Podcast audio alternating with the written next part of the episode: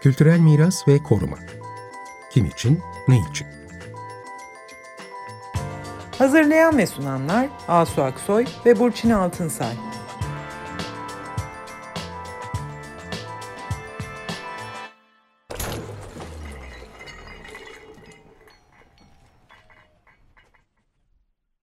Merhaba, iyi akşamlar. Ben Burçin Altınsay. Merhabalar, iyi akşamlar. Ben de Asu Aksoy. Bu akşam Milas, İkizköy ve Akbelen Ormanı'nda arkeolojik kazılarda yok edilen kültürel miras başlıklı yeni bir raporu ele alacağız. Bu raporu İklim Adaleti Koalisyonu derlemiş vaziyette e, ve bu raporu derleyenlerden Levent Büyük Bozkırlı ile konuşuyoruz. Oldukça kapsamlı bir rapor. Geçtiğimiz Ağustos ayında Muğla'nın Milas ilçesindeki Akbelen ormanlarının nasıl Yeniköy ve Kemerköy termik santrallerine kömür sağlamak için o santralleri işleten Limak Holding tarafından nasıl kesildiğini tanıklık ettik. Bu e, orman kesilmelerini durdurmak için büyük bir mücadele verildi. Fakat Akbelen ormanları kesildi. Şimdi bu bölge aslında yani bu bölge derken Yeniköy, Kemerköy ve Yatağan hemen aşağı kısmında da Yatağan yer alıyor. Bu üçgen aynı zamanda çok önemli bir e, arkeolojik e, alan. Burası antik çağda Karya olarak bilinen bir yer. Çok yoğun aslında bir arkeolojik dokuya sahip. E, hala hazırda arkeolojik tescillenmiş bir sürü şey var, e, sit alanları var. Ve burada bir böyle çeşitli kentlere ilişkin, antik kentlere ilişkin çalışmalar hala sürmekte. Hatta onlardan bir tanesi Dünya Mirası geçici listesine girmiş vaziyette. Stratonikeia, evet bu şehrin ismi tamamen mermerden yapılmış böyle bir antik şehirden bahsediyoruz. İşte o şehirleri birbirine bağlayan yollar, onlarla bağlantılı arkeolojik sitler gibi aslında büyük bir arkeolojik e, kültürel peyzaj alanından bahsediyoruz. Şimdi e, bu arkeolojik alanlar aslında e, bu e, linyet çıkartmak için yapılan e, çalışmalarda yok oluyorlar. E, işte bu raporda bu arkeolojik e, varlıkların başına gelenleri raporluyor. Yani bu raporun şeyi bu, e, konusu bu ve e, bu arkeolojik miras üzerindeki olumsuz etkileri bayağı kapsamlı bir şekilde değerlendiriyor e, ve çok önemli tespitler yapıyor. Arkeolojik miras bazı durumlarda geri dönüşü olmayacak şekilde kaybediliyor. Böyle bir riskle sürekli karşı karşıyayız. Ya da e, şöyle durumlar olabiliyor. Bu buluntular, arkeolojik buluntular yerinden taşınıyor, başka yerlere götürülüyor başka yerlerde sergilenmek üzere bağlamından koparılmış bir şekilde sergilenmek üzere taşınıyor. Rapor bunların hepsine e, dikkat çekiyor. Önemli bir rapor. Şimdi e, bu, burada şunu da söylememiz lazım. Buradaki kazı çalışmaları Kültür ve Turizm Bakanlığı tarafından Milas Müze Müdürlüğü'ne verilmiş durumda ve kazı çalışmalarının kendisinin sponsorluğu da Limak Yatırım Ortaklığı IC Enerji ile bir ortak bir firma tarafından sponsorluk bu şirket tarafından yapılıyor. Dolayısıyla burada böyle bir durum da var. Yani linyit çalışmalarını yapan, çıkartma çalışmalarını Maden yapan işleten kendisi, şirket. Evet, kendisi arkeolojik çalışmaları da sponsoru vaziyetinde. Aslında hani bu tür işbirliklerinden olumlu sonuçlar da doğurmak mümkün.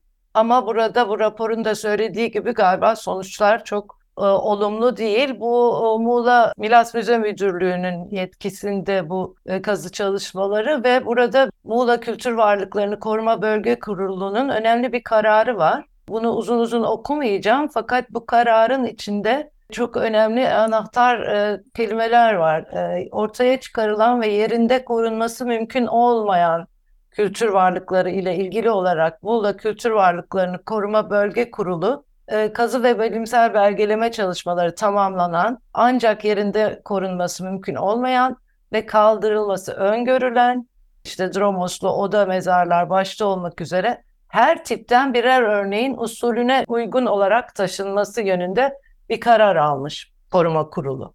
Bu karar kapsamında da e, işte bölgenin arkeolojik mirasını yansıtan ünik, eşsiz örnekler Milas ilçesi Ören mahallesinde yer alan arkeopark alanına taşınmıştır deniyor.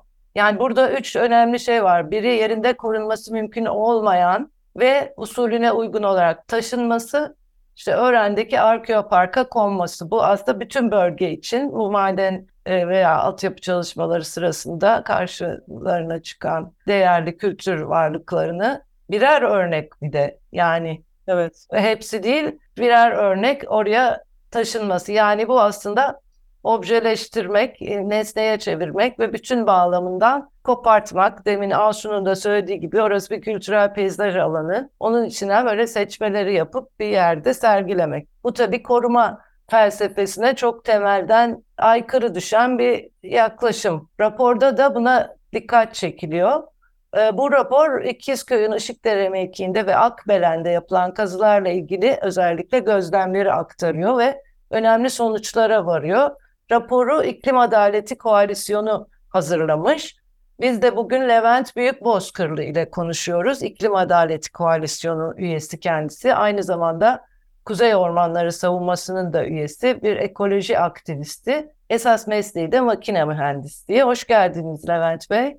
Merhaba, hoş bulduk. Teşekkür ederim davetiniz için. Evet, hoş geldiniz. Şimdi Levent Bey hemen e, bu raporu neden yazmaya karar verdiniz? Kapsamlı bir arkeolojik varlıklarla ilgili bir rapor. Bu süreç nasıl gelişti? Neyi hedefliyorsunuz? Ve arka planında ne var bu raporun? Bunu anlatmakla Kimlere başlayalım. ulaşmak istiyorsunuz? Evet, şimdi sizin de belirttiğiniz gibi ben bir ekoloji aktivistiyim İklim Adaleti Koalisyonu'nda ve Akbelen Ormanı mücadelesinde e, kesimin çok öncesinde birkaç yıldır e, oradaki nöbet alanına gidip e, İkizköylülere destek olmaya çalışan aktivistlerden birisiyim.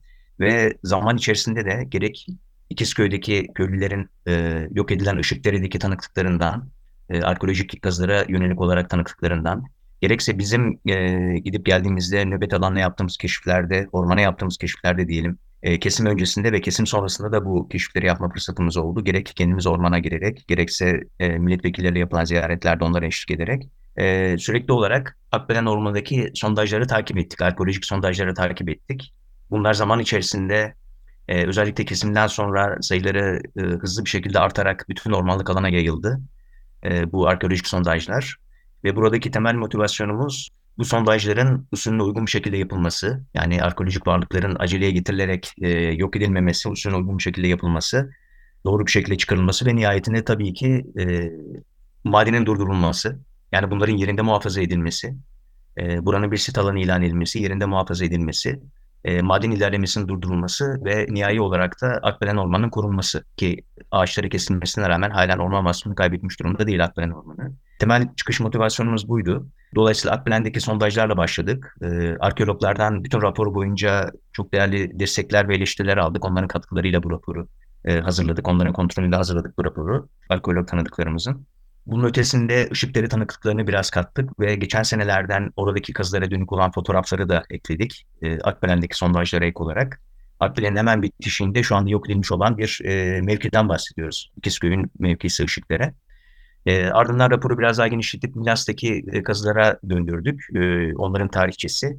Ve ardından e, gene Muğla geneline yaymak için bütün kömür madenine ulaştığı alanı kapsamak amacıyla e, yatağındaki kazılar, kazılardan da kısa bir e, giriş yaptık. Dolayısıyla daha bütünlüklü bir hale geldi. Yani Ne yatağın- kadar bir alanı kapsıyor bu maden alanı? Evet, Ee, ondan ondan kısaca bahsedeyim isterseniz. Bu çok yerinde bir soru. Genel bir e, kapsamı tanıtmak için. Şimdi e, birkaç cümleyle bahsedersek 70'lerin sonlarında sondajlar başlıyor, maden sondajları. E, ve 79'dan itibaren e, açık e, madencilik yapılıyor burada.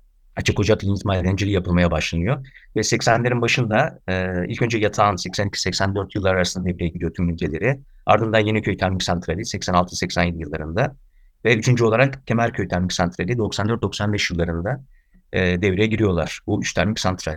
Ve toplam 47 bin hektarlık bir maden ruhsat alanından bahsediyoruz. Bu devasa bir alan, 47 bin hektar. Yatağan ve Milas'ta toplam bu iki ilçede. Ve bu alanın bugüne kadar 5500 hektarı, 55 bin dönümü, yani yaklaşık 9'da biri kazılmış durumda ki biz buna ekoloji aktivistleri olarak e, ölüm çukuru diyoruz. Ölüm çukuruna veya cehennem çukuruna çevrilmiş durumda burası. Yani tamamen yok edilmiş, kazılmış durumda. Yani bunun 9 katı daha ruhsatlı bir alandan bahsediyoruz. Ve bu şu anlama geliyor. Bugüne kadar Yatağan ve Milas'ta toplam 8 köyün tamamı dört köyün büyük bir bölümü ve 11 köyde kısmen yok edilmiş durumda. Yani sadece e, %50'si ormanlık alanlardan bahsetmiyoruz. E, tarım alanları var, zeytinlikler var ve hatta köyler var. Dolayısıyla insanların yok edilen geçmişlerinden, geçmiş yaşantılarından da söz ediyoruz. Ülksüzleştirilen ve göç etmeye zorlanan insanlardan da bahsediyoruz. Binlerce kişi. E, Milas üzerinde bu rakamlara bakarsak bu 47 bin hektarın yaklaşık 23 bin hektarı Milas'ta, 23 bin 300 hektarı tam olarak. Ve bu e, bir ölçek olarak rakam verirsek Milas'ın yüz ölçümünün yani koskoca bir ilçenin yüz ölçümünün yüzde onunu kapsıyor. Yani Milas'ın yüzde onu e, madene verilmiş durumda. E, Evet. Açık alan madenciliğine verilmiş durumda. Şu bilgi de önemli. 2021 yılında bitecek olan ruhsat 2041 yılına kadar uzatıldı. Yani 20 sene daha uzatıldı ve ÇED'den, çevresel etki değerlendirmeden muaf tutuldu. Yani tamamen bir e, şey var. Fütursuzca verilen bir e, tahsis var burada. Madene verilen bir tahsis. E, ve tamamen önüne çıkanları yok eden toprağın altındaki kültürel varlıkları değil sadece toprağın üstündeki tüm e, insanların yaşamları da dahil, geçmişleri dahil, yaşam alanları da dahil e, her türlü ormanlık, zeytinlik ve tarım alanlarında yok eden bir e, şeyden bahsediyoruz. Bir ölüm makinesinden bahsediyoruz burada. Siz bu İkizköy Işıkdere mevkiinde özellikle bu rapor için saha çalışmaları yaptınız herhalde. O sırada orada nasıl bir durumla karşılaştınız rapor Ee, için bilgi toplarken? Evet şimdi biraz geçmişten, bir iki sene geçmişinden Işıkdere'den bahsedersek burada köylülerin tanıklıkları ve elimizde çekilmiş olan fotoğraflar var. Gerek drone'la olsun gerek yakından çekilmiş fotoğraflar var. Bunların ötesinde açıkçası bilgi almak için köylülerin ve Köylülerin ve Çevre Derneği'nin Karadam Karacahisar Doğayı Koruma Derneği'nin tam olarak ismini söylersem e, avukatının yaptığı bir başvuru var. Hukuksal bir başvuru da var. Bütün bunlara karşılık e, hiçbir bilgi alınabilmiş durumda değil. Müze müdürlüğüne yapılmış olan başvurular var. Bunlara cevap alınamadı. Köylülerin kendi yaptıkları girişimler var. Bunlara e, cevap alınabilmiş değil. Ve bir hukuksal süreç var bunun sonrasında hani bilgi edinmek amacıyla. Onu çok kısaca özetlersem kronolojik olarak 2021 yılı Temmuz'unda e, Muğla Kültür ve Tabiat Varlıkları Koruma Kurulu'na bir bilgi edinme başvurusu dilekçesinde bulunuyorlar. Buna cevap alamadıkları için e, Eylül ayında, aynı yılın Eylül ayında bir dava açıyorlar. E, işte bilgi edinemedik ve e, ne tür eserler var, hangi niteliklerde, hangi döneme ait vesaire bunlar hakkında bilgi edinmek için. Ve tabii bunların koruma kapsamına tescillenmesi talebi de var burada. Bunlara hiçbir cevap alamadıkları için e, Eylül ayında bir dava açıyorlar. E, 2022 yılının yani bir sonraki yılın Aralık ayında bu dava sonuçlanıyor ve reddediliyor. İstinafa götürüyorlar vesaire böyle bir süreç var. Bu süreçte şu da çok önemli. E, dava bitirilirken dava bitirilmeden önce bir e, keşif yapılmalı ve bilirkişinin gelmesi gerekiyordu. E, ancak bunlar yapılmadan apar topar ışıkları kazılar yapıldı. Bu köylülerin tanıklıklarından ve avukat arkadaşlarımızın aldığımız bilgiler. E, apar topar kazılar yapılıyor ve birkaç gün içerisinde bunlar e, yerinden e, alınarak götürülüyor bu kazılar ve ardından maden e, tüm hızıyla devam ediyor. Maden kazıları tüm hızıyla devam ediyor. Yani dava bittiğinde herhangi bir keşif yapılmış durumda değil. Bir bilirkişi raporu ortada yok ve kanıt ol- olabilecek bütün her şey de zaten ortadan kaldırılmış durumda. Yani kurtarma kazıları adı altında yapılan kazılarda çok hızlı bir şekilde kurtarılan eserler alınıyor ve maden tamamen devam ediyor. Dolayısıyla keşif olmadan bir davanın bitmesi süreci söz konusu. Dolayısıyla red kararı bu senenin Şubat ayında, 2023 yılının Şubat ayında İstinaf Mahkemesi'ne götürüldü. Böyle bir hukuksal süreç de var arkeolojik kazılarla ilgili. Ee, bu Arkeolojik alanların başına gelenleri ya da gelebilecek ol- olanları hem bu İkizköy Işıkdere'de yaşananlardan hem de daha önce e, Yatağan se- e, santralinin hemen dibindeki demin e, bahsetmiştim e, e, orada çok önemli işte bir Stratonikeia şehri var. E, UNESCO Dünya Miras Geçici Listesinde onunla bağlantılı e, işte arkeolojik sitler böyle bir çok önemli bir saha var. Ar- arkeolojik yol var, kutsal bir yol var filan. Ya oradaki e, arkeolojik alanın parçalanmış olması hali hazırda değil mi? Bundan da bahsediyorsunuz raporda. Evet. Evet çok kısaca ekleyeyim. Ee, siz güzel tanımladınız. Ee, Karya'nın en önemli e, şehir devletlerinden birisi Str- Stratonikeia. E, bir antik kent olarak önce 1500 yılından beri ikamet ediliyor ve dediğiniz gibi tümüyle mermerden yapılmış en büyük antik kentlerden biri. E, UNESCO'nun Dünya Geçici Miras listesinde gene söylediğiniz gibi. E, Stratonikeia antik kentine e, Lagina antik kentine bağlayan bir kutsal yol var sizin bahsettiğiniz. E, yaklaşık 9,5 kilometre uzunluğunda. Raporda bunu fotoğraf vererek bahsediyoruz. Tüm bu söylediğimiz alan e, yatağındaki e, maden sahasına çok yakın. Hatta o kadar ki bu söylediğimiz iki kent arasındaki kutsal yol e, maden sahasının içerisinde kalıyor. Ve içinde kaldığı için tamamen yok ediliyor. Dolayısıyla az önce de girişte bahsettiğiniz gibi e, çok değerli bir kültür mirasının, kültürel peyzajın e, bütünselliğinin bozulması anlamında bu çok dramatik bir örnek maalesef. Yani e, dünya dünya mirası geçici listesine girmiş olan e, antik kentlerin aralarındaki kutsal yolun yok edilmesi e, ve bundan dolayı da bütünselliklerin bozulması çok çarpıcı bir e, yıkım örneği. Madenin kültürel al- alanlara dönük olarak bir yıkım örneği. Evet. Yani ya böyle bir işte tek başına tekil yerler işte Stratonica gibi e, hani e, orada korunuyor gibi görünüyor şu anda ama onun dışında e, buluntular yerlerinden kaldırılıp e, başka yerlere taşınıyor işte Ören'deki arkeoparka taşıma gibi e, işte hızlıca böyle bir takım belgeleme çalışmaları yapılıyor ve burada en önemlisi de hakikaten aslında bu bulgular nedir? Bu çalışmalar nasıl yapılıyor? Bunlar tamamen şeffaflıktan uzak. Yani demin söylediğiniz bu davanın ortaya çıkarttığı durumda bu. E, dolayısıyla raporunuzda da aslında e, bu gözlemler ve bu sonuçlarla ilgili çok önemli sorular soruyorsunuz. Evet. E, belki onlardan şimdi bahsedersiniz. Yani çok önemli sonuçlarınız var raporda. Sorularınız ve sonuçlarınız var.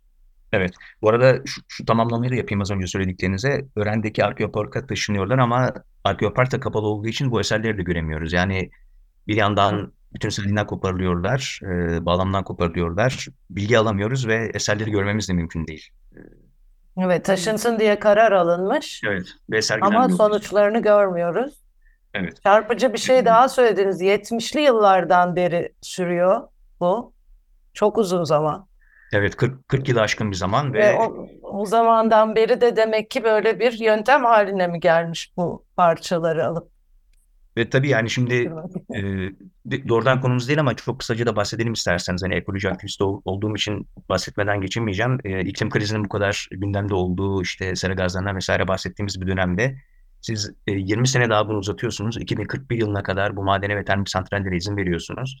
Bir yandan 2050'lerin başında net sıfır hedefleriniz var. Yani e, bu çok şey bir çelişki, çok yaman bir çelişki. Dolayısıyla iklim kriziyle hiçbir şekilde mücadele etmediğiniz ve iklimi krize çevirdiğinizin açıkça bir göstergesi bu. Bu, bu şekilde politikalarda bulunmak. Çünkü hem e, termik santrallerle e, ekolojik yıkımlar ve sera gazı salımlarını büyük oranda arttırıyorsunuz. Hem de ormanları keserek e, yine iklim krizinin en büyük mü- mücadele alanlarından biri olan ormansızlaşmaya sebep oluyorsunuz. Yani iki temel e, günahı işliyorsunuz diyeyim e, iklim kriziyle mücadele ederken. Bunu da burada vurgulamış olalım. Bununla birlikte de kültür varlıklarını da kaldırarak tabii, tabii. Dolayısıyla hem toprağın ekleyelim. altında hem toprağın üstünde e, kaydeden ne varsa her şeyi yok ederek ilerleyen bir ölüm makinesi gibi düşünebiliriz bunu. Evet, Ve insanlar- koyduğunuz Bu- soruları tekrarlayalım isterseniz ve sonucumuzu Hı hı. e, Tabii. Hızlıca onlardan da bahsedeyim. Şimdi Kültür Varlıkları ve Müzeler Genel Müdürlüğü'nün sitesinden aldığımız yani doğrudan doğruya onların beyanlarına dönük olarak e, yaptığımız alıntılamalardan ki girişte biraz siz de bahsettiniz. Kurtarma kazılarından bahsediliyor. Belentepe, Hüsamlar, Mengefe bunlar e, artık yok edilmiş olan köyler, yerleşim alanları. Buralarda kurtarma kazıları ki kurtarma kazıları normalde hani kurtarma kavramı dediğinizde aklınıza bir felaket, bir afet, bir şey gelir. Hani bir yangın, sel vesaire. Oradan kurtarılan ilk önce canlı varlıkları daha sonra e, değerli e, e, malzemeleri vesaire kurtarırsınız. Dolayısıyla kurtarma böyle bir e, yanıyla da manidar tam yani niyete karşılık geliyor benim anlayışıma göre. Yani yangından mal kaçırır gibi bir madenden şeyi kurtarma şeyi var burada. Bir anlayışı var maalesef. Bir madene teslimiyet var açıkçası kurtarma kavramında da. Yerinde korunması mümkün olmayan kültür varlıkları deniyor. Bunu sorguluyoruz. Neden yerinde korun- korunmuyor bunlar? Neden burası birinci, ikinci derece sit alanı ilan edilmiyor? Ki bir yandan anıtsal nitelikte mezarlardan, işte Dramos Doğu'da mezarlarından vesaire bahsediliyor. E, her tipten birer örnek alınması sizin de bahs- bahsettiğiniz gibi e, bu tamamen usulsüz bir durum aslında. Neden tamamı bunların kurtarılmıyor? E, Neden yeterince zaman ayrılmıyor bu kazılara ve e, doğal ortamı içerisinde bunlar korunup e, kendi bütünselliği içerisinde, e, kendi bağlamı içerisinde korunmuyor, sergilenmiyor da her birinden birer örnek alınıyor dediğiniz gibi neden objeleştiriliyor bunlar? Bütün bunları açık uçlu sorular ve eleştiriler olarak raporumuza değiniyoruz. Tabii şu yanda önemli. E, lignit maden ocakları bir yandan e, kendi hafriyatlarıyla işte çıkardıkları tozlarla, bir yandan termik santraller, işte baca ga- gazlarıyla, kül atıklarıyla vesaire e, sadece havayı, toprağı ve insanları zehirlemiyorlar. Kültürel varlıklara da aslında zarar veriyorlar. Onların e, değerlerine de zarar veriyorlar. Buna karşın Kültür ve Turizm Bakanlığı bir yandan arkeolojik kazılar yaparken bir yandan madenin ve termik santralinin faaliyetlerine neden izin veriyor? Bu varlıkların zarar göreceğinin farkında değil mi? E, bu bunlar açık uçlu sorularımız ve neden e, az önce bahsettiğimiz gibi bilgi edinme sorularımıza e, karşılık alamıyoruz? E, bunlar neden e, bu buluntular ve uygulamalar kamudan neden özellikle saklanıyor? E, bunlar e, rapordaki temel sorularımız. E, ve tabii ki şu, şu soruyu sorarak bitiriyoruz. Evrensel değerdeki kültürel miras ve toprağın üstündeki bütün bu e, yaşayan e, varlıklar e, lignit madeninden daha mı az değerli? Aslında bu Evet. soru şöyle bir basit Evet, mantık sorusuna da indirgenebilir. E, şöyle de sorulabilir. E, toprağın altında ve toprağın üstünde ne olmalı ki e, toprağın altındaki madeni çıkarmaktan sizi alıkoysun bunu? ilgili bakanlıklara ve e, hükümete de sormakta fayda var bu soruyu. Yani ne olmalı ki toprağın altında ve toprağın üstünde e, böyle bir madenin Siz vazgeçebilirsiniz değil Evet, mi? vazgeçebilirsiniz evet. Yani ne ne sizi vazgeçirir? Bu da bir Evet. basit bir mantık sorusu olarak e, sorulmalı bence. Aslında cevabını bildiğimiz bir soru ama gene sürekli bu soruyu yinelemekte fayda var. Yani Yani anıtların aslında- bu taşınması meselesi hani aslında hep, hep de konuşuyoruz. Artık çok arkaik bir yöntem. Evet. Ee, ve e, maalesef hani çok hayati bir durum varsa taşınabilir e, gibi bir e, hani Evet. eski tüzüklerde böyle e, maddeler var. Ama burada işte hayati olan hangisi? Madeni çıkarmak mı? Kültürünü ve Ee, e, insanların işte oradaki üretimlerini yaşatmak mı? Bu Rapor önemli boyunca şey. rapor boyunca temel bir şeyimiz var. e, Temel bir e, kavramımız var diyeyim sürekli vurguladığımız. E, kapsamlı ve gerçekçi bir kültürel miras etki değerlendirme süreci. Bu yapılmadan e, Evet. madde önceliklenmesi. Yani ruhsatı zaten 2041 yılına kadar yenilemişsiniz. Zaten niyetiniz baştan belli. Maden hızlı bir şekilde, olabildiği kadar hızlı, verimli ve ucuz bir şekilde ilerleyecek. Bunu baştan kabullenmişsiniz. Ve kapsamlı ve gerçekçi bir, e, şeffaf, bütünlüklü bir kültürel miras etki değerlendirme sürecine tabi tutmuyorsunuz. Bunları apar topar kurtarabildiğinizi kurtarıyorsunuz. E, bu geçmişte yatağında yaşanmış, Milas'ta yaşanmış, işte ışıklara yok edilmiş ardından şu anda da Akbelen'de yaşanmasın. E, şeyimiz bu. Bu rapordaki Evet. aslında başlangıç motivasyonumuz bu. Yerleşik dünya miras- haline gelmiş. Dünya Miras Komitesi'nin, UNESCO'nun Dünya Miras Komitesi ve kararlarının yani bu kültürel miras etki değerlendirme raporlaması e, meselesi e, gerek İKOMOS gerek UNESCO nezdinde bu konu artık çok önemli bir konu. Yani bu konuda el, el kitapları, rehberler, Şart e, koşuluyor. Ee, Evet, şart koşuluyor. Türkiye'de işte bu Türkiye'de e, yerleşmemiş ve Evet. özellikle yerleştirilmiyor. Yani ki bu projeler ÇED raporun raporlamasından bile muaf Evet. tutulmuş, Evet. e, bu kö- kömür santralleri ve 20, 2041'e kadar da uzatılmasından bahsediyorsunuz. Yani raporun sonucunda diyorsunuz ki yani bu kazılarla linyit çıkartmak öncelik. Hani bunun, bunun için önümüze arkeolojik katmanlar çıkabiliyor, evet. Bunların e, bir an evvel belgelenip hemen bunların yerinden kaldırılması gibi aslında kültürel ve doğal çevrenin korunmamasından bahsediyoruz. Yani bunu döne döne aynı şeyi söylüyoruz. Peki Evet. siz bu raporu nereye yolluyorsunuz? E, Ne, ne Evet. yapıyorsunuz? Ee, kısaca ondan da bahsedeyim. Ee, termik santrallerin kapatılmasına yönelik bir çalışma grubumuz var. Ee, bu çalışma grubu kapsamında diğer faaliyetlerin yanında e, bu raporu İngilizce'ye de çevirdik ve e, yakın bir geçmişte birkaç gün öncesinde Avrupa Parlamentosu milletvekillerine e, Europa Nostra'ya, Europa Nostra Türkiye ve e, Avrupa'daki karşılıklarına iletilmek üzere ve UNESCO'ya gönderdik bu raporu ve onlardan e, taleplerimizi ilettik. Hı hı. Ee, yani bütünlüklü e, çalışmaların yapılması, e, bu sondajların aceleye getirilmemesi, gerekli korumaların yapılması vesaire bu taleplerimizi bir, birer mektupla onlara da ilettik. E, Arkeoloji Derneği'ne ilettik tabii. E, Arkeologlar Derneği'ne ilettik. E, diğer bir e, raporun yanında ikinci bir e, milletvekillerine sunduğumuz ikinci bir e, kapsamlı e, genel e, sosyal ve ekolojik yıkımları kapsayan daha detaylı bir raporla birlikte bu kültürel varlıkları kapsayan raporu da bir tamamlayıcı olarak e, Avrupa Parlamentosu'na, Avrupa Nostra'ya ve UNESCO'ya ilettik. Dolayısıyla Evet. onlardan destek bekliyoruz. Evet. Bu Elinize akşam sağlık. Levent Büyükbozkırlı ile birlikte e, İklim Adaleti Koalisyonu'nun arkeolojik e, mirasla ilgili Akbelen'deki arkeolojik mirasın kaybıyla ilgili raporlarını konuştuk. Teşekkürler Levent Bey. Teşekkürler Levent Bey. Herkese teşekkür iyi akşamlar. İyi akşamlar. İyi akşamlar, hoşçakalın. Kültürel miras ve koruma. Kim için, ne için? Hazırlayan ve sunanlar Asu Aksoy ve Burçin Altınsay.